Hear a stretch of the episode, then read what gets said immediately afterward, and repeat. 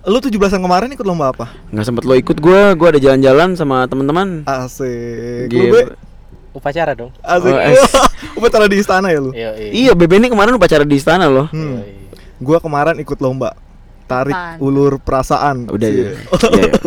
Oke, Jun. Kering banget ya. Intinya gini, em, kita eh, podcast kali ini podcast eh, spesial kemerdekaan kita pengen bahas sesuatu yang sebenarnya deket sama kita Mm-mm. tapi jarang kita lihat sih. Jadi kayak kalau lu em, PDKT sama orang tuh kayak masuk friendzone gitu. Oh, ini Selalu ada di dekat tapi nggak pernah diperhatikan sih. oh, gajah di dalam ruangan.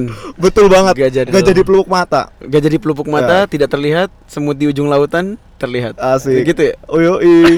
Emang apaan? kita akan bahas em, politik luar negeri bebas aktif nih. Kita Oh. dari awal muncul bobo nama bebas aktif tapi baru kali ini kita bahas bebas aktif. Benar. Em, Ya udah, kita langsung masuk ke segmen eh, satu. Stay tune. Mr. Gorbachev, open this gate. Together, we will make America great again. Oke, sebelum kita ngebahas mm, podcast bebas aktif, eh, eh podcast bebas aktif, politik luar negeri bebas aktif, em, tidak lupa-lupanya kita eh, mengingatkan kepada conference kalian untuk follow Spotify kita, Betul. follow Instagram dan Twitter kita di @kontekstualcom, kontekstualcom. betul. Eh, baca-baca artikel di kontekstual.com, eh, tonton kontekstual media karena kita menyajikan berbagai konten tentang yang berbau-bau hubungan internasional disajikan dengan eh, renyah dan berkualitas. Betul. tetap. Gue juga mau ngucapin nih Pis. Apa em, tuh? Selamat kepada pemenang cerdas cermat conference kemarin. mantap, cerdas Oh, cermat. Yoi, dia berhak dapat pizza gratis. Bayangin enak gak sih lu makan Pizza pizza, gratis. gratis. dari kontekstual? Gokil. Makanya kalau misalnya temen-temen pengen dapat pizza gratis, next time tetap ikutin IG Hmm. kita, Twitter kita, pantengin terus siapa tahu ada kejutan-kejutan menarik lainnya. dan nggak cuma pizza ya, bisa jadi makanan lain, bisa jadi minuman, bisa Betul. jadi merchandise, betul, apa pun. betul. Next time kita mau lotek. Lo- Oke, oke. Oke, enggak canda canda canda. Oke, eh, hari ini kita kenalan dulu. Hari ini eh, kita personilnya dari kontekstual semua, personil tetap. Tapi eh, sebenarnya udah lama nih, Mm-mm. beberapa waktu lalu baru muncul lagi sekarang. Betul. Di sini ada Mabda. Halo. Halo Mabda. Ada June dari tadi udah bacot. Yo, izinnya di sini. Eh, ada gua Hafiz dan ada Ada BB. BB. Nah, BB ini menarik, Pis. Karena dia kemarin ngerjain tugas kuliah akhirnya tentang politik luar negeri Indonesia. Yoi. Jadi beban hari ini kita serahkan ke BB semua. Yoi, kita Jadi coba- sekarang Solo KBB. Betul. Kita beli rider aja ya. Iya. Jadi Kita gimana, dengerin Be? Politik luar nggak negeri gimana, Be? Politik luar negeri bebas aktif tuh sebenarnya masih relevan gak sih sama politik luar negeri Indonesia sekarang? Nah, itu yang mau kita obrolin Mm-mm. Eh, dan kita lempar nanti ke para pendengar menurut Oke. mereka relevan apa enggak. gitu. Mereka nangkap atau enggak ya? Kan kita lempar harus ditangkap dong. Oh ya. Kalau nggak ditangkap ntar kena pala. Ini Iya. podcast bebas aktif yang kayak gini nih yang ada Junnya ini. yang susah nih. Asik asik asik. Gak apa-apa, gak apa-apa. Eh, kita mulai dari apa dulu nih, Bem? Ini Em, mungkin kita karena momentumnya momentumnya apa? Kemerdekaan. mm, Kita umur berapa? 74 ya? 74. Hmm, dua-dua Kita- sih gua, Be. Oh, yang maksudnya Indonesia. Oh iya. Indonesia umur 74 tahun tapi kadang orang lupa kalau kita memperingati eh, 17 Agustus eh, di masa-masa yang hampir berdekatan kita juga memperingati eh, bebas aktif. Iya. Kalau nggak salah berarti sekarang udah 71 tahun tahun ini. Hmm. 70 48 48 71. Iya benar 71 71 tahun. Dan Heeh. eh, agak hampir bersamaan tanggal 19 kemarin hari Kemlu ya kalau nggak salah ya. Hari Kemlu. Betul. Hari Kementerian Luar Negeri Indonesia. Jadi hari ini kita bakal coba mengulik lagi eh, tentang foreign policy Indonesia terutama bebas aktifnya. Oke. Karena memang eh, kita podcast bebas aktif, eh, kita belum bahkan belum pernah cerita tentang eh, apa itu bebas aktif Iya, itu sendiri gitu sekali. kan. Hmm, Dan bagaimana pandangan mungkin akademisi, pandangan praktisi, pandangan kita-kita sebagai konferensi juga tentang eh, bebas aktif itu sendiri apakah juga sekarang masih relevan gitu Iya. kali ya. Dan di antara kita sekarang ada satu anak yang masih mahasiswa. Iya, iya. yang Iya, Ini kita baru lulus sebulan gitu ya. udah dapat? Iya. sengaja status di siap Status di siap udah lulus ya. Betul betul betul. Yang tempo hari pasti eh, ngambil mata kuliah yang berhubungan sama foreign policy dan baca-baca tentang foreign policy. Kira-kira bebas aktif menurut eh, Mabda seperti apa? Eh, waduh. Tapi tolong dikoreksi ya sebagai sarjana-sarjana sekalian. Aduh, aduh, kan gue cuma mahasiswa. Aduh. Kalau misalnya dari yang gue tahu nih, ini kan eh, pertama tuh eh kalau gak salah disampaikan di sidang eh, DP, eh rapat DPR ya rapat DPR Hmm. Eh, Mungkin ya, mungkin kalau misalnya teman-teman conference tahu ini Dulu bisa namanya apa sih dikoreksi. sebelum DPR tuh Ya rapat parlemen lah. Iya, rapat parlemen dan waktu itu kalau salah kan kalau misalnya eh, Indonesia kan eh, ada di apa ya? Indonesia kan baru eh, lagi dalam proses untuk membebaskan diri sendiri Iya. secara bebas-bebasnya dari Belanda. Dan di saat yang bersamaan juga menghadapi kenyataan kalau misalnya dunia secara perlahan-lahan terpecah ke dalam dua blok. Betul. Nah, eh, akhirnya nih eh, Hatta eh, membukakan idenya mengenai mendayung di antara dua karang. Apa tuh Yoi. KBB? Jadi itu eh, konteksnya kita kembali lagi ke waktu itu tahun 1948. Kita kan proklamasi 45 ya. Hmm. Tapi setelah itu kita sebenarnya belum sepenuhnya merdeka karena kita diserang sama Belanda. Belanda. Agresi Apa? Belanda satu, agresi Agresi Belanda dua. Sampai yang tahun 1948 itu Hmm. eh macam muncul muncul apa istilah mendayung di antara dua karang yang Hmm. juga jadi pidatonya Hatta itu eh, karena memang konteksnya waktu itu Cold War. Hmm. Karena Cold War eh, dua karang di sini sebenarnya yang dimaksud itu adalah dua great powers waktu itu yaitu US sama Soviet. Dua blok barat, blok timur. Heeh, ya, yang dipimpin US dan Soviet. Dipimpin Dan USA. Indonesia ketika itu eh, merasakan benar-benar merasakan eh apa ya? pedihnya hubungan dengan great powers gitu. Aduh, aduh, aduh, aduh, aduh, pedihnya hubungan tuh. Kena banget ya, lanjut be. Ya gitu. Jadi eh, keluarlah itu pidato mendayung di antara dua karang eh, yang mana Indonesia eh, menyatakan bahwa dalam berhubungan dengan negara lain atau dalam interaksinya di dunia internasional Hmm. pu- ingin menetapkan eh, foreign policy yang bebas aktif. Bebas dalam artian eh, sifatnya adalah non alignment atau enggak Hmm. enggak apa enggak ber Berkubu. ya enggak bersekutu dengan blok mana pun, Oke. tapi juga bukan berarti netral, Ah, ngerti ya? Iya.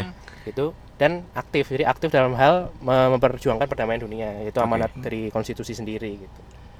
Nah, Kalau netral nggak gerak ya? Harus gigi satu, gigi dua. Kalau netral tuh Kalau R mundur. gokil nih emang nih. Oke, oke. Kita tuh udah nungguin Junia sejam nih guys. Oke. Buat kalian nih conference yang tahu nih, eh, kita tadi tag podcast ini udah telat sejam gara-gara Eh, Junia. sorry dari Cibubur, bro. eh, Tapi sekarang isinya tuh nol. buat yang ada ide Kak Juni mesti diapain ya tolong Oke. kasih komen di Oke Instagram. oke oke. Nah, eh gini sih Be, kan tadi memang di saat itu kondisinya em, dua blok berbeda.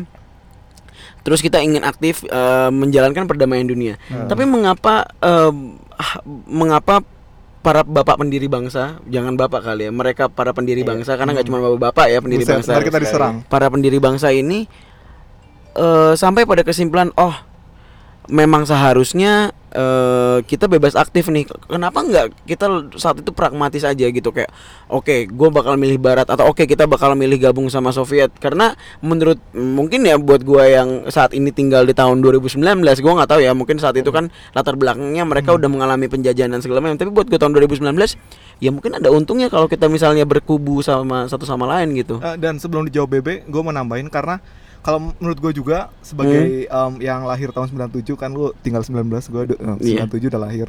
betul Betul. betul Nah, Jun gue menangkap kalau bebas aktif ini sebenarnya bukan suatu norma yang saklek dalam artian em, multitafsir. iya Karena kan pada akhirnya di Orde Baru juga ditafsirkan bahwa bebasnya nih bebas alignment ke mana aja. Nah. Karena kita memang pada akhirnya condong ke barat, Iya. misalnya. Nah, menurut lu Be, kenapa pada akhirnya kita menyampai kesimpulan bahwa Indonesia harus bebas aktif? atau Mapda juga boleh Iya. mungkin gue sebenarnya ada pendapat sih cuman gue pengen tahu dari BB dan Mapda dulu Mm. Kalau gue memang karena pertama tadi kita balik lagi ke konteksnya itu ya. Kalau yang gue paling ingat tuh tulisannya eh, Bung Hatta tahun 53 sama tahun 58 kalau Hmm. nggak salah. Terutama yang 58 dia ngomong Indonesia between two power blocks. Hmm. Di tulisannya beliau itu eh, beliau sebagai penggagas utamanya bebas aktif itu menyampaikan eh, sebuah yang tadi gue bilang kepedihan dalam berhubungan dengan negara-negara great powers itu. Hmm. Dia benar-benar nge-state kepedihan ya? Enggak sih. Oh tapi- enggak. Dramatis Soalnya- amat. Iya, dramatis banget kepedihan. mungkin BB lagi pedih Oh benar, Oh, kenapa kenapa Be? tuh? Oh nggak apa-apa. Nah, oh ya, jadi eh, waktu itu tuh ketika masa-masa eh, masa-masa apa AMP yang agresi militer Belanda dan setelahnya bahkan itu selalu ada upaya-upaya apa ya kekhawatiran terhadap ancaman rekolonialisasi lagi Rekolonialisasi. Eh, di dijajah kembali terutama dari sekutu Mm-mm. dan juga tidak menutup kemungkinan ada ancaman-ancaman dari eh, blok satunya lagi blok blok yang timur Oke. dan eh, ketika itu justru kalau tadi kan Hafiz bilang kenapa kita nggak pragmatis aja justru menurut gua tuh ini adalah bentuk pragmatisme kita gitu Oh. Bentuk pragmatisme kita. iya kalau menurut gua dalam bahasa gua itu justru bentuk pragmatisme kita kita nggak idealis ya paradoksikal sih itu idealis kita tapi kita juga dengan menerapkan bebas aktif sebenarnya kita bisa menjadi pragmatis kita bisa eh, istilahnya apa ya mengamankan diri dari dua threat yang Hmm. saat itu kan namanya great powers threatful gitu Iya. jadi dengan kita uh, being non alignment, non align, kita sebenarnya mengamankan diri kita dari uh, kemungkinan-kemungkinan ancaman itu. Gitu. Oke, Dan oke. Kenapa kok kita aktif gitu katakanlah? Karena ditarik lagi itu jauh sih karena uh, ada memori-memori kolonial di dalam diri Indonesia yang Hmm. uh, ada apa ya? Ya memori bahwa kita pernah dijajah dan sebagainya, terus revolusi, uh, kemerdekaan dan lain-lain. Uh, kita menyadari bahwa uh, dijajah itu nggak enak gitu, katakanlah gitu Iya. lah. Jajah itu nggak enak dan makanya kita mau uh, aktif menjaga perdamaian dunia. That's why kita sering banget Indonesia uh, menarasikan kemerdekaan Palestina. Sebenarnya karena itu. Gitu. Oke, Mabda ada pendapat terkait itu? Kalau misalnya setahu gue sih eh, mungkin yang tadi belum di highlight sama KBB juga sebenarnya juga ada dinamika politik domestik yang bermain di sini. Ini sebenarnya eh, di highlight sama eh, Pak Rizal Sukma eh, Mhm. yang sekarang jadi dubes Inggris eh, di salah satu tulisannya dia bilang kalau misalnya sebenarnya pemimpin-pemimpin politik di Indonesia juga saat itu dinamikanya juga lagi cukup panas karena eh, gak cuma terbagi eh, gak cuma terpecah belah eh, dalam satu konteks aja tapi juga pemimpin-pemimpin pada saat itu eh, terpecah belah di bidang eh, etnis, ideologis, eh, agama, politis dan lain sebagainya. Dan bisa dibilang katanya ini sebagai apa ya sebagai bentuk eh, untuk eh, memperlihatkan kalau misalnya ada titik temu di antara itu semua gitu. Oke. dan mungkin juga eh mungkin salah satu yang di highlight eh, Bung Hatta yang banyak di tulisannya itu juga dia bilang apa ya dia pengen menunjukkan peran aktifnya di PBB di eh, di tulisannya yang Indonesia's Foreign Policy Hmm. itu jadi mungkin eh, bebas aktif juga menunjukkan kalau misalnya Indonesia itu bisa mentereng di eh, forum-forum multilateral gitu di luar. Ya, emang kalau yang dari Bung Hatta bilang, dari yang dari Bung Hatta bilang, eh, beliau mene- menekankan pada ini sih eh, kemungkinan Indonesia untuk berinteraksi dengan negara lain. Gitu. Jadi kalau misalnya kita misalkan waktu itu kita mengambil salah satu sisi, itu akan mengok em, apa ya? membuat kita nggak bisa temenan sama yang lain gitu katakanlah kayak itu Oke. itu kan sebenarnya geng tuh Iya, iya. dua iya. blok itu kan kalau kita pindah apa ngambil satu sisi ntar kita jadi nggak bisa luas untuk berinteraksi dengan Salah satunya. salah Salah, satu padahal- keduanya. Iya, salah keduanya. Di- Padahal di waktu itu.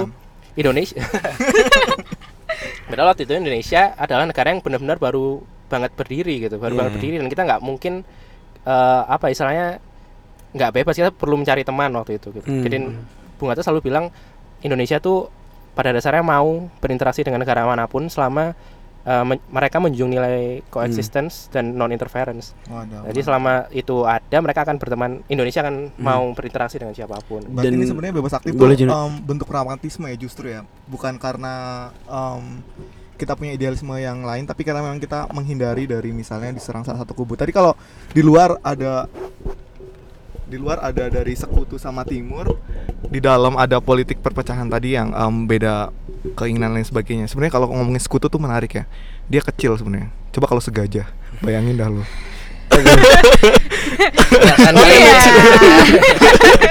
Oke, oke. Oke, balik. Gue udah serius loh dulu ya. Kalau buat gue gini sih, em, bebas aktif ini memang bentuk pragmatisme Indonesia. Gue setuju. Hmm. dan pada akhirnya juga dimanfaatkan oleh Atlas Soekarno dan Soeharto dan mungkin setiap presiden yang hingga saat ini menjabat untuk menentukan eh, arah foreign policy-nya sendiri. Oke. Tapi itu kan kalau misalnya kita balik lagi itu jadi cuman di bebasnya gitu. Tapi kita juga punya sisi aktif nih. Itu idealisnya di situ. Itu idealisnya di situ kan. Kita aktifnya adalah aktif menjaga perdamaian dunia. Dalam konteks kalau misalnya kita lihat sepanjang sejarah ada kita ikut membangun ASEAN. Betul. Kita bikin KTT apa eh, KAA. KAA maksud Hmm, gua ko- betul. eh, konferensi Asia Asia Afrika. Afrika. Terus kita juga salah satu bagian penting dari konferensi negara Islam apa namanya? Betul. Oki, Oki organisasi Kerjasama negara ya itu. menurut gua eh, itu sebenarnya bisa dibilang sebagai langkah nyata dalam aktif eh, menjunjung perdamaian di seluruh dunia gitu kan. Betul. Tapi so far eh, pertanyaan gua adalah apakah simply dengan kita bergabung di organisasi-organisasi itu kita sudah cukup aktif atau selama ini malah sebenarnya kita bebas tapi kita belum cukup aktif dalam Hmm. dalam eh, dalam menjalankan itu semua. Dan ini tidak terbatas dalam rezim eh, pemerintahan Jokowi ya maksud gua dari titik Soekarno deh. Apakah kita sebenarnya sudah cukup aktif untuk itu? Ini eh, ini dari dari ke- dari berangkat dari pikiran gue yang ngeliat kalau oke Indonesia bergabung gini gini gini tapi toh even sekarang kita belum bisa eh, banyak menyelesaikan masalah yang ada di Asia Tenggara. Mungkin Laut Cina Selatan misalnya Laut Tiongkok Selatan atau mungkin misalnya di eh, Myanmar di Rakhine atau misalnya di Timur Tengah atau misalnya di mana pun lah di perbatasan Meksiko USA dan segala macam. Kan katanya kita aktif perdamaian dunia nih. Nah gimana menurut kalian? Oh, mungkin yang gua perlu highlight tadi masalah ini ya yang tadi pertentang apa perdebatan tentang ini sebenarnya kita ini pragmatis atau idealis ya. iya. Kalau menurut gua tuh yang tadi itu paradoksikal kita eh, kita juga punya pragmatisme bahwa waktu itu kita memang butuh berteman atau berinteraksi dengan negara lain. iya Tapi sebenarnya kita ti- tidak pernah menanggalkan idealisme kita gitu. Kalau Iya. selalu berangkat dari UUD 45, selalu berangkat dari bahwa kita mau eh, kita tuh anti kolonialisme kayak gitu-gitu. Eh, dan selalu mau memperjuangkan perdamaian dunia. Hmm. idealismenya di situ dan eh, dengan kalau kita mau aktif syarat pertama sebenarnya menjadi bebas.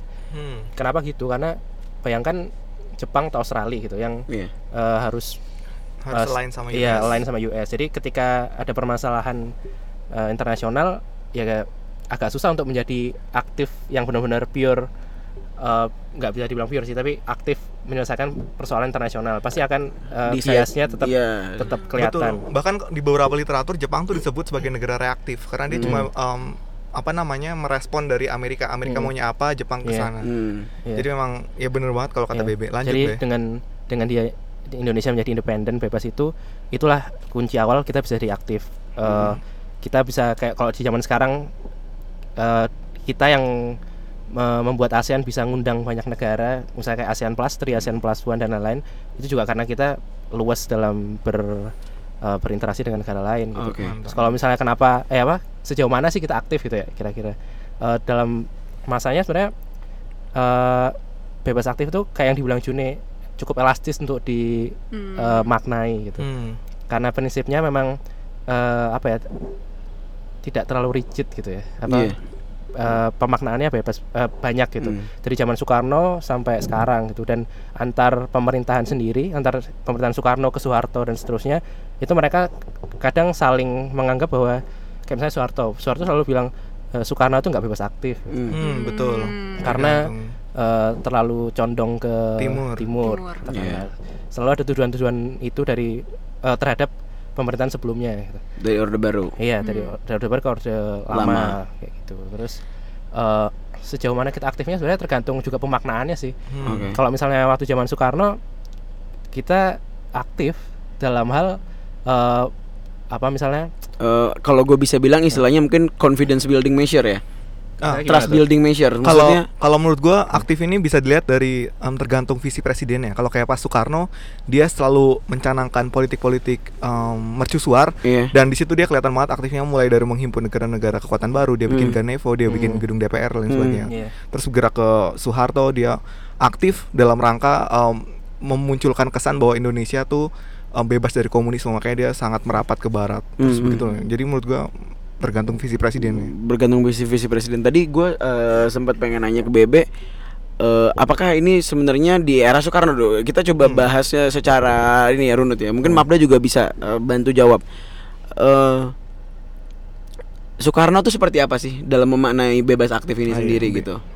Nah, yang masanya Soekarno itu kan harus lihat periodenya sih kan Orde Lama itu ada yang Oh, apa? demokrasi terpimpin. Itu Iya, iya, iya. parlementer kayak gitu-gitu.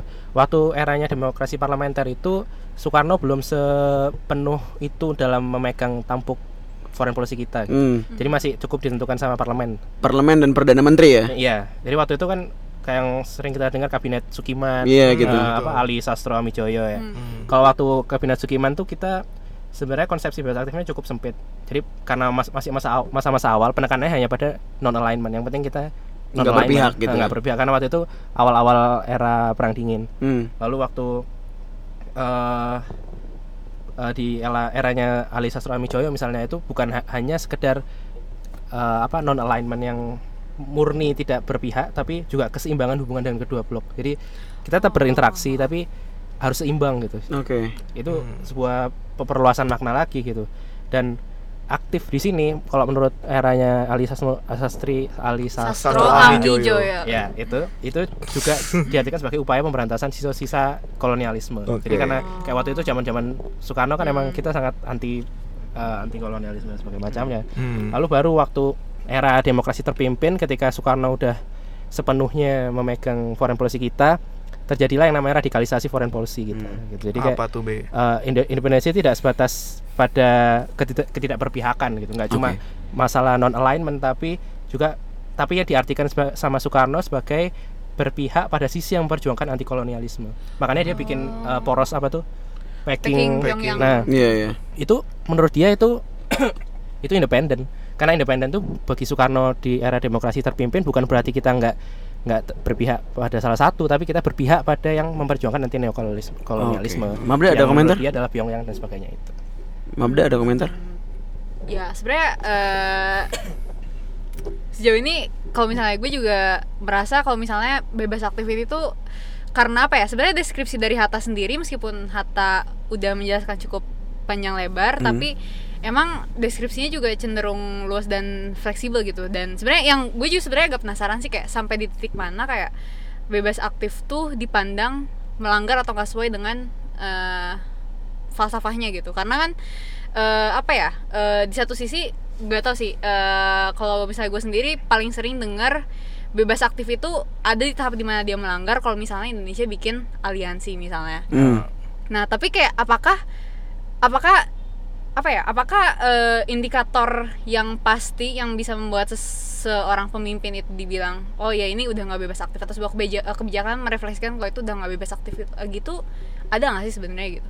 gue coba aja kalau gue sih ngeliatnya nggak pernah ya maksudnya karena tadi balik lagi didefinisikan oleh masing-masing dan ketika semuanya bisa mendefinisikan visinya masing-masing ke arah menjadi bebas aktif maksudnya bebas aktif disesuaikan dengan visi dari presidennya itu membuat si bebas aktifnya ini tidak mempunyai standar dalam konteks Nggak yang rigid gitu yang standar rigid. pakem yang kayak garis besar haluan negara yang harus Betul. diikutin gitu jadi ya dibilang melanggar ya balik lagi kayak tadi eh, yang BB ceritakan kalau misalnya di Soekarno ya dia agak ke timur ya itu bentuk bebas aktifnya dia. Karena mungkin Soekarno merasa bahwa eh, hanya blok timur yang memperjuangkan neokolonialisme. Begitupun ketika Soeharto bilang bahwa Soekarno itu nggak bebas aktif gitu kan. Dia bilang itu nggak bebas aktif padahal menurut Soekarno itu bebas aktif. Soeharto bilang yang bebas aktif adalah yang bebas eh, menentukan eh, arahnya. Tapi dia juga eh, mengarah kepada eh, blok barat. Meskipun dia tidak eh, tidak tidak secara langsung menyatakan bahwa Indonesia adalah bagian dari blok barat tapi aktifnya di situ gitu. Karena menurut Soeharto mungkin blok barat lah yang benar-benar eh, memegang eh, perdamaian gitu memiliki misi, misi dan visi dan perdamaian dan memiliki kebebasan dalam dalam dalam kondisi domestik dan internasional. Mungkin yang itu yang tidak dili- tidak dilihat oleh eh, blok timur oleh Soeharto. Jadi ya, menurut gua sih kayak gitu sih maaf kalau BB. Meskipun ada kepentingan pragmatisnya, misalnya em, Soeharto pengen bikin Indonesia em, maju dia punya Iya. namanya em, s- apa namanya stage pembangunan yang garis pada B- akhirnya- Oh, iya. BGBHN Eh, eh, enggak, iya ya, sampai dia tahun 95 menargetkan Indonesia akan lepas landas dan Iya, iya. itu em, mungkin kepentingan di situ yang em, apa namanya yang membuat Soeharto akhirnya em, apa berusaha mendobrak apa namanya idealisme yang sudah dibangun Soekarno supaya dia bisa lebih mendekat ke blok barat yang mana menurut dia mungkin lebih menguntungkan jadi pragmatisme itu kalau menurut gue sih masih sangat terlihat nah apalagi em, kalau narasi bebas aktif Pancasila dan sebagainya itu em, ciri khas Indonesia ya narasinya sa- em, sangat gampang dan multitafsir jadi ya baik lagi yang tadi gue ngomongin jadi tergantung gimana presiden Iya. menafsirkan terus memvisikan pembangunan kalau menurut lu Be gimana Be? sebenarnya kita dalam sejarahnya pernah kayak nyaris-nyaris punya fakta pertahanan atau Hmm. fakta keamanan sama eh, beberapa, beberapa negara gitu kayak waktu zaman kabinet kabinet Sukiman kalau nggak salah itu Hmm.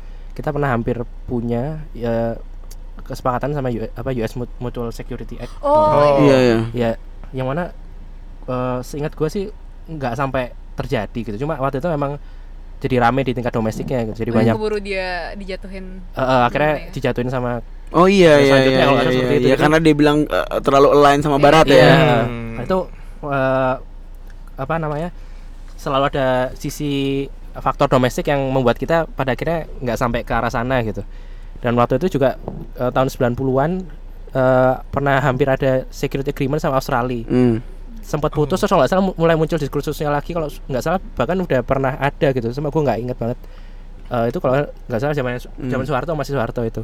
Itu tapi kalau kita eh, merujuk pada akadem- para akademisi yang nulis di jurnal-jurnal sebenarnya belum pernah ada dari antara mereka yang ngeklaim eh, berargumen bahwa Indonesia pernah melanggar gitu. Eh, belum pernah sama sekali. Pun kalau ada eh, diskursus tentang pelanggaran bebas aktif itu munculnya di tingkat empirisnya aja di Iya, tingkat benar-benar. di domestiknya antar pemerintahan sendiri atau masyarakatnya kayak gitu-gitu. Tapi sampai saat ini konsensus yang ada sih kita nggak pernah melanggar gitu. Hmm. dan Oh, tidak akan oke. pernah tampaknya gitu. Toh juga kalau misalnya itu dianggap sebagai tindakan pelanggaran, justifikasi dari yang mengambil tindakan itu bisa bilang ya ini bagian dari Iya. bebas gua dan aktif Hmm. gua Iya, gitu iya, gitu betul. kan. Nah, Jadi Pinter-pinter ya yang orang bikin narasi. pinter-pinternya dia bagaimana me- me- mengemasnya itu Hmm. dalam sebuah narasi kebijakan luar negeri sih. ya, sejauh-jauhnya kritik terkeras terhadap bebas, Bebas aktif, aktif. sih waktu yang Pak Karno itu sih yang waktu Oh, iya. Mau Nevos all Devosnya dia tuh dianggap terlalu eh, apa Headline. eh, eh, align ke timur gitu Hmm. sampai mengorbankan eh, istilahnya gini saking aktifnya Pak Karno katanya Mm-mm. sampai-sampai dia me, apa melupakan sisi independensi Indonesia gitu. Sisi bebasnya itu ya. Nah, sisi bebasnya tapi waktu itu memang karena demokrasi terpimpin ya ya kenyataan domestiknya seperti, itu gitu. Oke. Nah, oke. Eh, untuk latar belakang dari bebas aktif ini menurut gue sih udah cukup ya. Kita juga udah banyak banget eh, menyentuh eh, dimensi dari masa ke masa, dimensi sejarah. Kita juga udah menyentuh dimensi empiris tadi, dimensi akademis. Nah, di segmen kedua nanti kita bakal ngebahas tentang bagaimana foreign policy bebas aktif spesifik di bawah kepemimpinan Presiden Jokowi yang baru saja terpilih eh, untuk lima tahun ke depan. Jadi Asik, kayak mantap. kita akan refleksikan lima tahun ke belakang. Kita juga akan memprediksi at, at Hmm, least mendiskusikan, memproyeksikan bagaimana sepertinya ke depan. Tetap di podcast bebas aktif. Gorbachev, open this gate. Together, we will make America great again. Oke, balik lagi di podcast bebas aktif. Eh, kita lagi ngobrolin soal eh, politik luar negeri bebas aktif. Yo. Yo. Nah, di segmen yang ini Aduh ngantuk banget ayo dong semangat semangat semangat. nggak apa-apa biar jadi kayak apa pem, eh, pembawa Kayak acara RRI. malam. RRI. Iya RRI gitu ya Yang santai Ini udah jam Kita tag podcastnya jam 9 malam Mantap Iya, iya. betul. Jadi memang eh, suasananya udah eh, mendayu Ini pakai cermis ngantar. Cerita misteri. cerita misteri Oke Itu mungkin di podcast sebelah aja ya. Oke siap siap. Nah Oke Kita berangkat dari em, mitos Hmm. Atau mungkin realita nggak ada yang Masuk tahu cermisnya.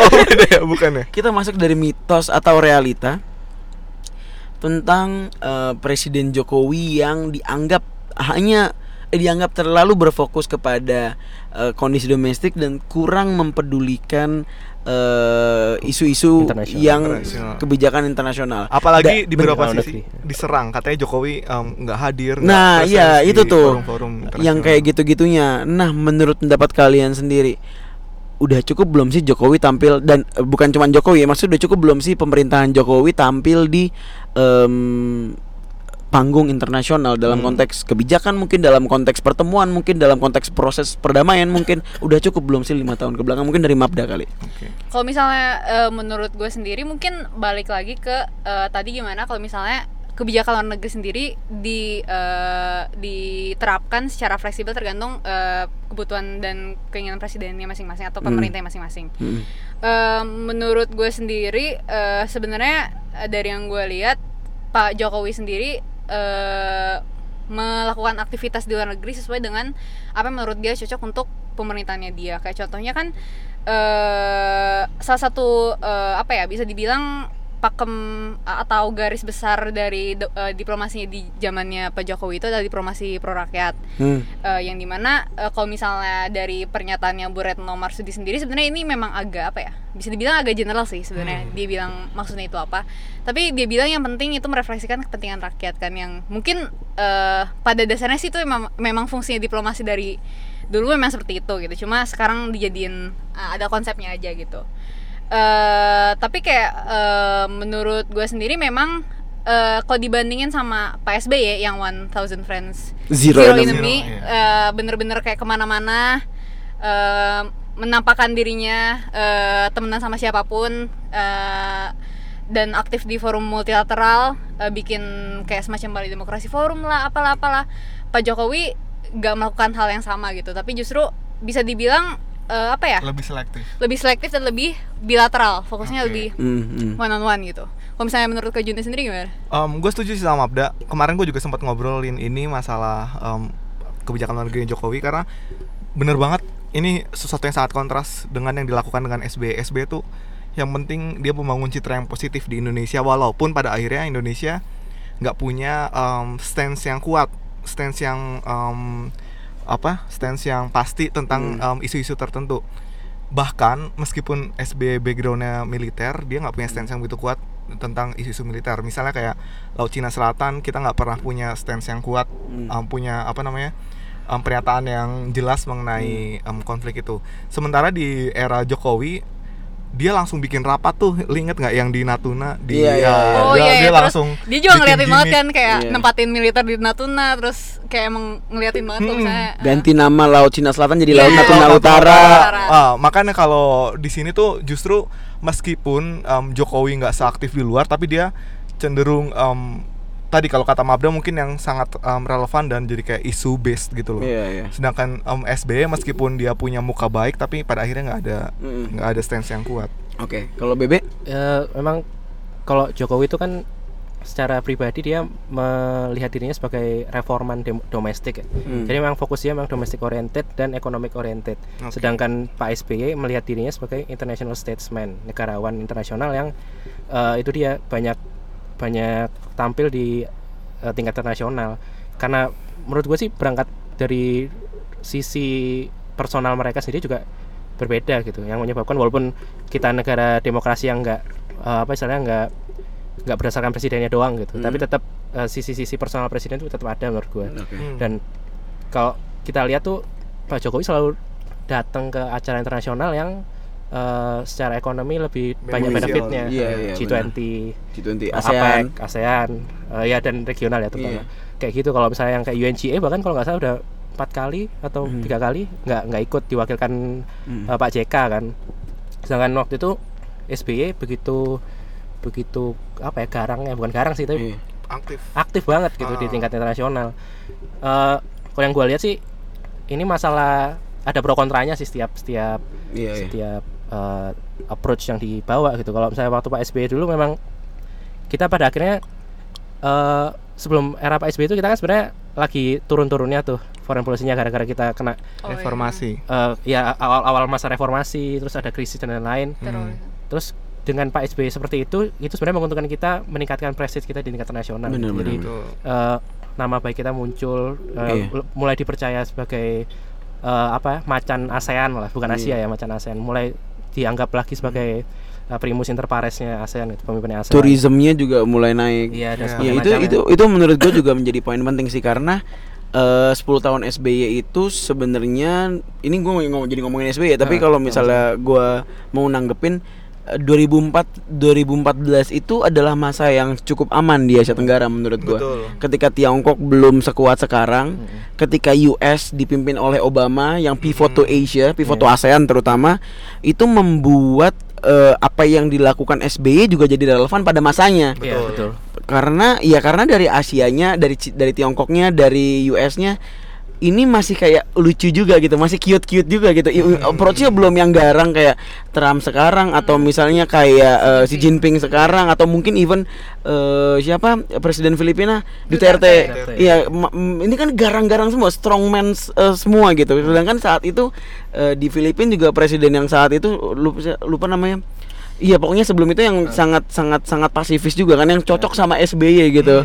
Yang membuat eh, kondisi di saat itu jadi adem ayem aja secara internasional dan mungkin satu-satunya tantangan internasional yang dihadapi oleh SBY saat itu adalah krisis ekonomi 2008 gitu kan. Dan itu pun berhasil ditangani karena eh kebijakannya yang cukup tepat di domestik gitu kan. Jadi di domestiknya udah strong so ketika RSS RSS ekonomi terjadi eh, Indonesia kuat gitu. Jadi nggak nggak not necessarily kita harus tampil di luar negeri, kita harus minta per- pertolongan IMF atau kita harus em, apa pun lah measures measures yang internasional harus kita lakukan nggak ada gitu kan. Kita cukup pakai measures yang ada di domestik. Misalnya naikin harga BBM waktu itu jadi enam setengah dan segala macam lah. eh the point being adalah saat ini Jokowi juga dihadapin sama permasalahan yang spesifik kalau menurut gua. Iya. Permasalahan misalnya Trump eh, pengen mau pengen mengkaji trade deficit antara Indonesia dan US. Permasalahan an- eh, misalnya China pengen bikin obor gitu kan, Eh, ingin menseriuskan obor dan mungkin eh, di wilayah-wilayah lain kayak mungkin Brexit. Brexit juga dampaknya UK pengen masuk lagi ke Asia Tenggara. Itu membuat eh, Jokowi jadi pilah-pilih isu yang spesifik karena salah pilih isu atau misalnya nggak serius ke apa maksudnya cuman general doang itu membuat Resiko. kita jadi resiko gitu secara konseptual secara abstraknya sih menurut gua kayak gitu sih Iya. Nah, gara-gara itu juga mungkin Jokowi juga cenderung kalau misalnya SBY dia cenderung lebih ke fokus ke persahabatan, Jokowi Hmm. lebih berani untuk em, apa namanya em, dalam tanda kutip beraksi yang menurut dia lebih menguntungkan buat Hmm. dia. Kayak misalnya dalam beberapa proyek dia nggak lagi bukan dia nggak begitu lagi mementingkan bagaimana hubungannya tapi lebih ke ini beneficial nggak untuk Indonesia? Yang mana yang Hmm. lebih beneficial? Makanya dia lebih selalu mengedepankan open tenor open tenor open tenor bahkan buat dia infrastruktur ya? Apa pun. Iya termasuk iya termasuk khususnya infrastruktur salah satunya. Ah, bahkan kalau yang yang gue bahas kemarin itu masalah Cina Jepang juga dia kelihatan Di sangat berani. Dibahasnya? di di di mana? Di di podcast sebelumnya Oh. beberapa podcast Iya. yang lalu kan kita pernah bahas tuh yang masalah transportasi. Oke. di situ juga Jokowi sangat terlihat bahwa dia nggak mau dia nggak mau em, dia nggak mau merasa em, bergantung sama Jepang akhirnya dia langsung cut Hmm. terus langsung dioper ke Cina meskipun dibagi-bagi lah nggak Iya. semuanya tapi dibagi-bagi gitu ya. bagi-bagi bahkan ada Korea Selatan Ada Korea. Selatan meskipun juga. pada akhirnya menimbulkan kritik karena dikecam Jepang dan sebagainya Iya iya iya iya. Oke, tadi kan eh, kita eh, ngomongin berarti kalau misalnya gue bisa summary ya, Jokowi milih-milih dan segala eh, dan segala halnya dilakukan secara selektif lah Betul. ibaratnya Iya, gitu. selektif benar. Tapi ada satu nih yang kita bisa refleksikan dari lima tahun ke belakang yaitu Global Maritime Fulcrum, Hmm. poros maritim global, yang buat ini ini kontroversial di, di tataran akademis. Karena ada sebagian akademisi yang merasa bahwa oh eh, Jokowi hasn't done enough untuk eh, melakukan poros maritim globalnya. Dan lima tahun ke depan poros maritim global udah tidak lagi jadi bagian dari eh, prioritas gitu kan. Padahal belum selesai gitu. Tapi ada yang dibilang oh udah cukup kok. At least untuk meningkatkan em, exposure engagement di tingkat internasional bahwa Indonesia bisa loh jadi poros maritim dan Indonesia punya resource untuk menjadi poros maritim gitu kan. Nah menurut kalian berkaca dari poros maritim global ini apa sih yang udah kita bisa dapatkan dari poros maritim global dan what's what's what lies ahead gitu dalam uh, kelautan Indonesia yang yang menurut gue potensial untuk terus dijadikan sebagai salah satu eh, sebagai salah satu potensi Indonesia di mata dunia gitu maksudnya eh, apa eh, comparative advantage Oke. di tingkat dunia Sebenarnya kalau masalah ini sih gue setuju sih kalau global maritim maritim fulcrum itu atau poros maritim dunia itu apa ya di tataran akademis memang penuh perdebatan gitu Iya. ya. kayak eh, ini awal-awal kelihatan bagus tapi kok lama-lama kayak Gitu-gitu aja. iya, gitu-gitu aja kok enggak iya kayak gitu. seolah-olah cuma jargon doang gitu Hmm. tapi memang eh, kalau ngomongin foreign policy ya ini kan frameworknya foreign policy harusnya ya kalau ngomongin ini tuh memang agak berkaitan bahkan sangat berkaitan sama eh, kebijakan keamanan sebenarnya Hmm. karena permasalahannya sampai sekarang kita juga eh, kekuatan pertahanan kita juga walaupun udah ditingkatkan ininya eh, APBN dan sebagainya macamnya eh, masih jauh sebenarnya untuk eh, menyentuh apa istilahnya minimum essential forces itu MEF itu. Jadi kayak s- syarat negara maritim yang kuat sebenarnya juga karena pertahanannya harus kuat dulu gitu. Tapi kita belum sampai situ itu dan kalau mau lihat perkembangan baiknya adalah kita di isu-isu non keamanan. Eh, tradisional non yang keamanan non tradisional sudah cukup eh, gua nggak bilang bagus banget tapi kelihatan lah Keamanan Contohnya. tradisional tuh apa tuh? oh iya keamanan tradisional apa maksudnya anak Kalau keamanan keamanan, keamanan tradisional tuh maksudnya militer. Jadi yang emang strictly militer kayak semacam misalnya kan eh, bisa dibilang kan Itu tradisional. eh, itu tradisional. Ah, Kalau non tradisional itu berarti saya militer kayak terorisme, lingkungan juga iya. bisa masuk. Iya. Isu-isu kontemporer lah ya. ya isu-isu yang nggak harus pertahanan eh nggak harus Nggak harus berkaitan Hmm. dengan tentara ya gitu. itu kita kalau yang di tingkat non tradisional di bidang maritim lumayan lah maksudnya eh, illegal fishing dan lain-lain mulai mulai dikebatin gitu lah. Hmm.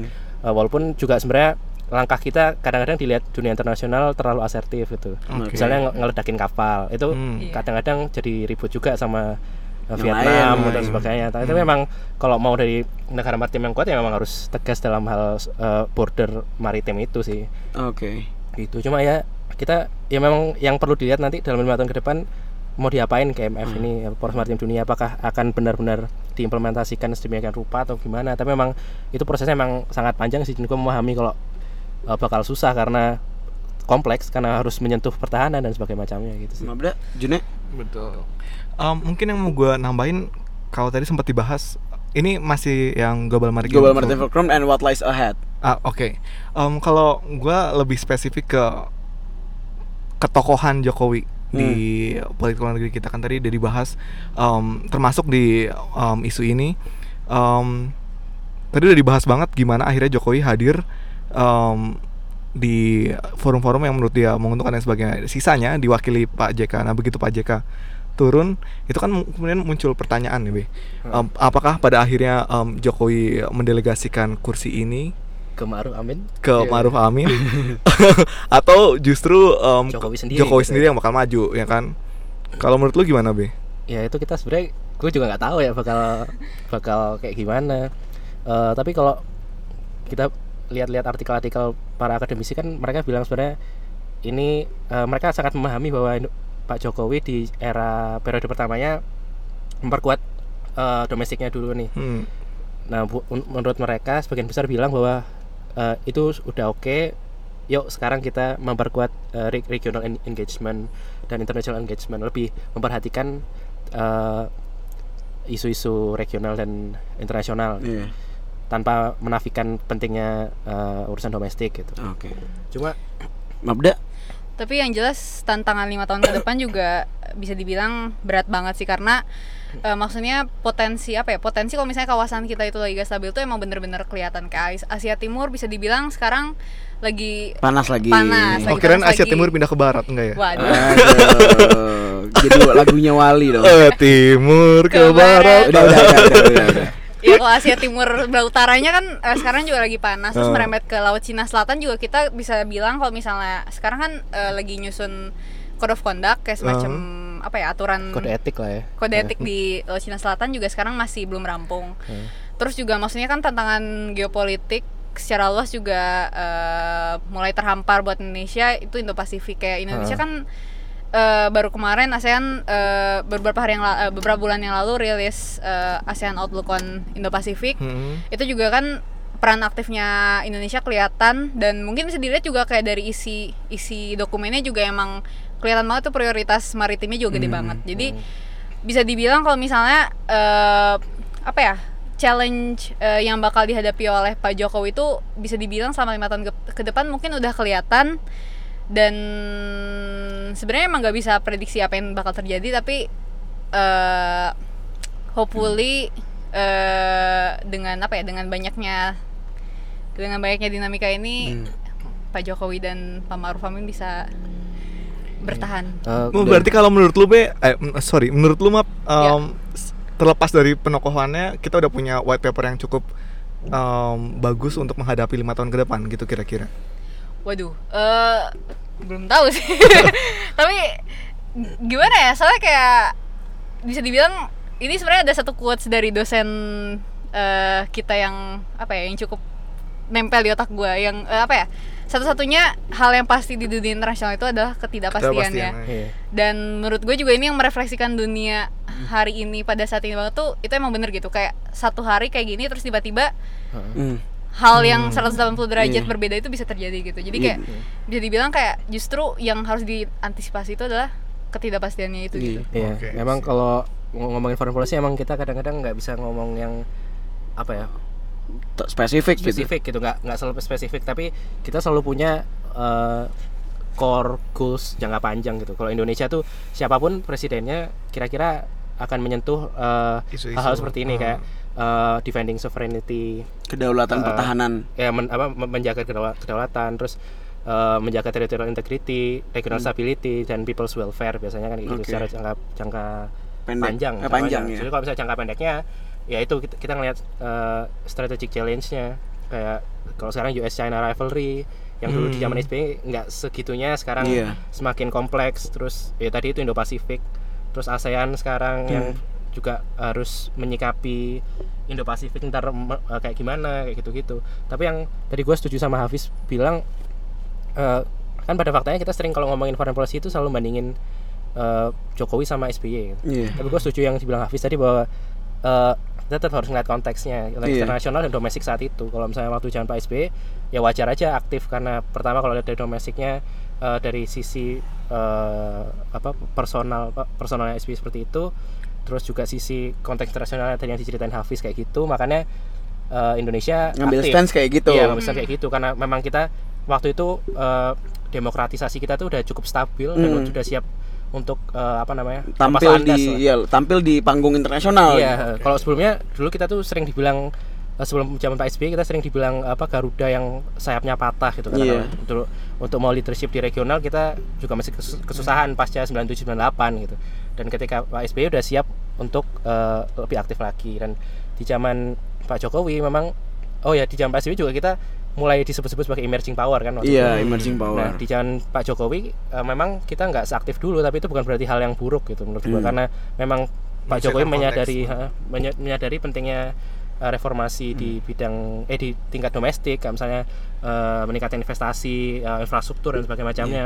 Eh, Pak Jokowi melihat itu penting karena fokus utama dia memang di economic interest gitu, domestic interest. Nah, yang mungkin menjadi pertanyaan adalah eh, apakah akan tetap seperti itu nanti atau ternyata ada shifting gitu Shifting paradigm shifting ya. paradigm eh, kepemimpinan Jokowi dan sejauh mana shiftingnya tuh se spektrumnya sampai mana gitu ya. Gesernya sampai mana? gesernya sampai mana Dan yang menarik gue baru inget tadi pagi gue baru baca berita kan di situ em, persis banget ngebahas ini lima tahun ke depan kira-kira apakah seluruhnya dihandle sama Pak Hmm. Amin Ma'ruf atau Jokowi akan jadi lebih banyak overcome ke isu-isu tertentu. Nah di situ yang menarik adalah Jokowi kayak semacam dalam tanda kutip meminta Pak JK untuk tetap aktif. Hmm. Bahkan Pak JK nanggepinnya kayak iya saya akan tetap aktif tapi bukan dalam konteks kepartaian tapi dia akan em, aktif dalam konteks kenegaraan dia bilang gitu. Bahkan ada em, isu katanya Pak JK ini ada peluang untuk dimajukan sebagai ketua One Team Press Iya. karena memang se- em, dia punya pengalaman banyak di resolusi konflik terutama kalau kita ingat tahun 2004 Aceh Gam. Aceh Gam. Um, terus dia juga banyak ngebantu Pak Jokowi di muka internasional. Jadi menurut gue juga ini suatu yang menarik sih, karena pada akhirnya um, apa namanya um, keterlibatan Pak JK tuh nggak sepenuhnya hilang di Ah, lima tahun ke depan. Nah, ini kan kita udah sampai pada penghujung acara nih, penghujung acara, penghujung eh, episode podcast kali ini. Oke. Dan balik lagi eh, pertanyaan yang kita- sama-sama kita setujui adalah kita nggak bisa memprediksi apa yang terjadi di depan dan kita cuman bisa em, mengira-ngira atau berharap bahwa Presiden Jokowi dan Pak Maruf Amin em, menjalankan em, mengeksekusi kebijakan internasional yang tadi dipilah-pilih ini dengan baik gitu. Nah, ini singkat aja. Satu harapan dari kalian isu apa sih yang kalian paling ingin untuk bisa diselesaikan dan dimajukan eh, oleh masa kepemerintahan pemerintahan Jokowi yang kedua nanti. Misalnya kalau gua kalau gua pribadi gue berharap bahwa eh, perdagangan bebas di Asia Tenggara ini benar-benar eh, bisa benar eh, terlaksana MEA terutama ya. Hmm. MEA benar-benar bisa digolkan oleh Jokowi dan sembilan pemimpin negara Asia Tenggara lainnya dengan harapan dengan harapan ini bisa menjadi sebuah eh, blessings untuk buruh ataupun pekerja profesional Indonesia yang bisa jadi punya tempat kerja lebih banyak dan juga untuk eh, pendapatan Indonesia secara keseluruhan. Karena akhirnya kita bisa melakukan perdagangan bebas dengan tetangga-tetangga kita sendiri itu buat gua. Itu concern gua. Karena selama ini concern gua selalu di eh, free trade eh, free market eh, di tingkat Asia Tenggara. Nah buat kalian sendiri apa sih yang concern kalian paling utama di lima Kalau tahun depan concern gue, um, nggak jauh-jauh dari ini ya dari infrastruktur gua. Gua Hmm. sangat memperhatikan bagaimana connectivity Indonesia tuh di ASEAN bahkan masih tertinggal jauh. Hmm. Kalau tadi Apis ngomongin MEA, justru gua concern karena kalau misalnya MEA ini em, dimaksimalkan dengan kondisi Indonesia yang sekarang bisa eh, bukan tidak mungkin Indonesia justru nggak bisa gaining benefit dari Iya, MEA itu sure, sendiri. sure. Makanya menurut gua yang perlu diperkuat adalah gimana kita memastikan konektivitas em, kan konektivitas itu ada tiga ya, yang Iya. institution, people, sama Sosial budaya. Oh, people sama Sama ekonomi, sama ekonomi, ekonomi. ya kan sama ekonomi. Nah, em, kalau dari em, institution kita udah em, punya wadahnya, tinggal bagaimana kita kemudian mengeksekusinya. Yang bermasalah di sini menurut gua adalah people sama ekonomi. People kita tuh em, pasport kita di Asia Tenggara, btw kita tuh nggak nggak nggak punya pasport yang kuat. Em, bahkan dibandingin Singapura kita masih kalah jauh misalnya dibandingin Malaysia juga nggak nggak apa namanya kita belum bisa mengungguli jadi menurut gua em, kita perlu memastikan bahwa em, mobilitas em, warga negara Indonesia di luar juga em, terakomodasi dengan baik terus juga nggak status WNI mereka tuh nggak jadi penghalang justru jadi suatu privilege yang bisa Hmm. mereka bawa terus kemudian dari segi em, infrastruktur ekonomi juga em, kita tahu persis Jokowi di tahun lima tahun kemarin sangat gencar membangun infrastruktur mulai dari jalan Hmm. kereta dan sebagainya. Ini penting kenapa? Karena pada akhirnya kalau kita nggak nggak menggencarkan ini, investasi itu bakal lari ke Hmm. Em, negara-negara si LMV yang justru lebih em, lebih apa lebih, siap Lebih murah, lebih siap. ya labornya lebih murah, infrastruktur lebih siap karena beberapa em, apa FDA juga udah mulai terbang ke sana. Kemarin ada berita di Bogor sekitar 30 pabrik tuh tutup karena Hmm. memang mereka udah pindah em, produksinya keluar. Jadi menurut gua hal-hal kayak gini tuh perlu dibenahi agar supaya em, integrasi ekonomi ini berjalan dengan menguntungkan kita bukan Hmm. bukan em, justru kita mendapatkan Kerugian. kerugian. Jadi berarti kalau lu ke people to people connectivity-nya ya. ya people to people terus mulai dari ekonomi Institusionalnya eh, juga diperkuat ya secara iya. diplomatik tadi. ya. Eh, Iya. Kalau Mabda gimana atau BB dulu terserah. Kalau misalnya concern gue sih sebenarnya yang paling besar itu sekarang gue ngerasa eh, teknologi sih kesiapan Indonesia untuk eh, merangkul kemajuan teknologi. Karena sebenarnya ini nggak cuma di konteks apa ya ekonomi doang eh, di pertahanan juga. Karena eh, maksudnya juga pengembangan teknologi pertahanan Indonesia juga bisa dibilang belum eh, maju. Kayak eh, misalnya kan Indonesia tadi kata KBB juga lagi eh, mengusahakan untuk memenuhi minimum essential force. Maksudnya jadi ada kapasitas minimum yang berusaha untuk Indonesia penuhi di tahun eh, 2020-an Hmm. tapi itu juga setahu gue kalau misalnya terakhir gue baca berita tuh eh, seharusnya tuh 2018 19 tuh terpenuhi 70 persenan lebih tapi sampai sekarang tuh kita baru di tahap 60 persenan jadi kayak emang Oke. pengembangan teknologi kita tuh masih belum eh, maju dan juga mungkin eh, apa ya nyambungin sama salah satu episode pikiran pikiran-pikiran kita Hmm. eh, Nah, yang belum tahu silahkan cek YouTube Ya kita. silakan cek YouTube. Eh, R&D kita juga budgetnya tuh masih dikit dan bahkan kalau misalnya dibandingin kayak Malaysia, Singapura, eh, Cina atau negara Asia Timur gak usah dibandingin lah. Misalnya negara ASEAN aja kita proporsinya tuh masih di 0 komaan. Sementara kayak eh, Singapura, Malaysia udah menjajaki 1 komaan, 2 komaan. Dan ini menurut gue juga sangat concerning karena eh, lagi-lagi kayak yang tadi gue bilang eh kita gak tahu perkembangan teknologi itu bakal kayak gimana bentuknya ke depan Mm. dan eh, bakal sampai apa dan eh, mungkin juga ini apa ya common knowledge kalau misalnya orang yang pu- bisa menguasai teknologi itu adalah orang yang bisa menguasai ya basically menguasai dunia gitu. Dan gue takut kalau misalnya ketidakmampuan kita untuk menguasai teknologi ini imbasnya nggak cuma eh, ekonomi doang tapi bisa jadi bahkan eh, sekritis pertahanan gitu. Hmm. Berarti teknologi eh, percepatan teknologi di Indonesia Hmm. ya dalam konteks pertahanan dan ekonomi dan eh, apa pun Hmm. em, karena biar kita nggak ketinggalan dengan negara lain. Oke, sure sure. Kalau BB gimana, Be? yang berkaitan sama yang pertanyaan Hafiz, eh, gua waktu itu nemu satu tulisan yang bagus dari Evan Laksmana eh, di CSI, dari CSIS. Eh, t- isinya tentang eh, bahwa for- foreign policy kita tuh sering kali eh, menge- mengutamakan proses daripada outcomes. Hmm. Jadi primacy of process over outcomes. Ini yang menurut gua harus gue setuju sama tulisannya dia sih. eh, menurut gua harus eh, ditinjau kembali, emang harus harus diperbaiki. Jadi kayak kenapa kok kita disebut proses oriented? Karena selama ini kita tuh kalau ngukur keberhasilan foreign policy itu eh, kurang lebih sebatas eh, sejauh sejauh mana rekomendasi kita ke ASEAN diterima itu seberapa Iya. banyak eh, rekomendasi Indonesia diterima di ASEAN terus misalnya jumlah agreement yang disepakati dalam isu-isu tertentu ya kita Iya. selalu ngukur-ngukur dari situ gitu yang sifatnya proses padahal ada hal-hal yang lebih penting gitu Eh, misalnya which is outcome uh, observable yang uh, observable outcome lah misalnya kayak kita kalau di ranah maritim itu sebenarnya kita bisa ngurangin insiden di di laut itu berapa sih gitu di Oke. antar Oke. border misalnya berapa terus uh, indikator kita dalam bisa meningkatkan meningkatkan uh, demokrasi di regional. Kalau misalnya Hmm. tadi Mabda singgung tentang Bali Demokrasi Forum kita kan kalau mau lebih advance lagi kita harusnya bisa ngukur sejauh mana itu ngefek ke demokratisasi Benar, di benar, regional kayak gitu-gitu. Memang itu jalan yang uh, cukup panjang dan itu itu kritik terhadap uh, Foreign policy proses. Indonesia secara umum. Jadi nggak cuma di era Pak Jokowi tapi juga Seluruh terutama di waktu era SBY karena waktu dulu kan SBY itu saking aktifnya sampai dibilang eh, diplomasi kita tuh summit diplomasi jadi Summit. diplomasi meeting ada yang summit terus iya kayak gitu-gitu ya itu memang yang menurut gua memang harus diperhatikan gitu dan Oh, oke. di zaman Jokowi sebenarnya udah nggak se-summit Iya. era SBY tapi memang kalau menurut eh, tulisan yang gue baca sih memang harusnya kita mulai melangkah lebih se- dari sekedar proses Proses. Oke. Kita sudah sampai pada penghujung acara. Kita juga udah mau sejam nih ngobrol ngalor ngidul. Iya. Ngomongin uh, bebas aktif di podcast bebas aktif. Iya.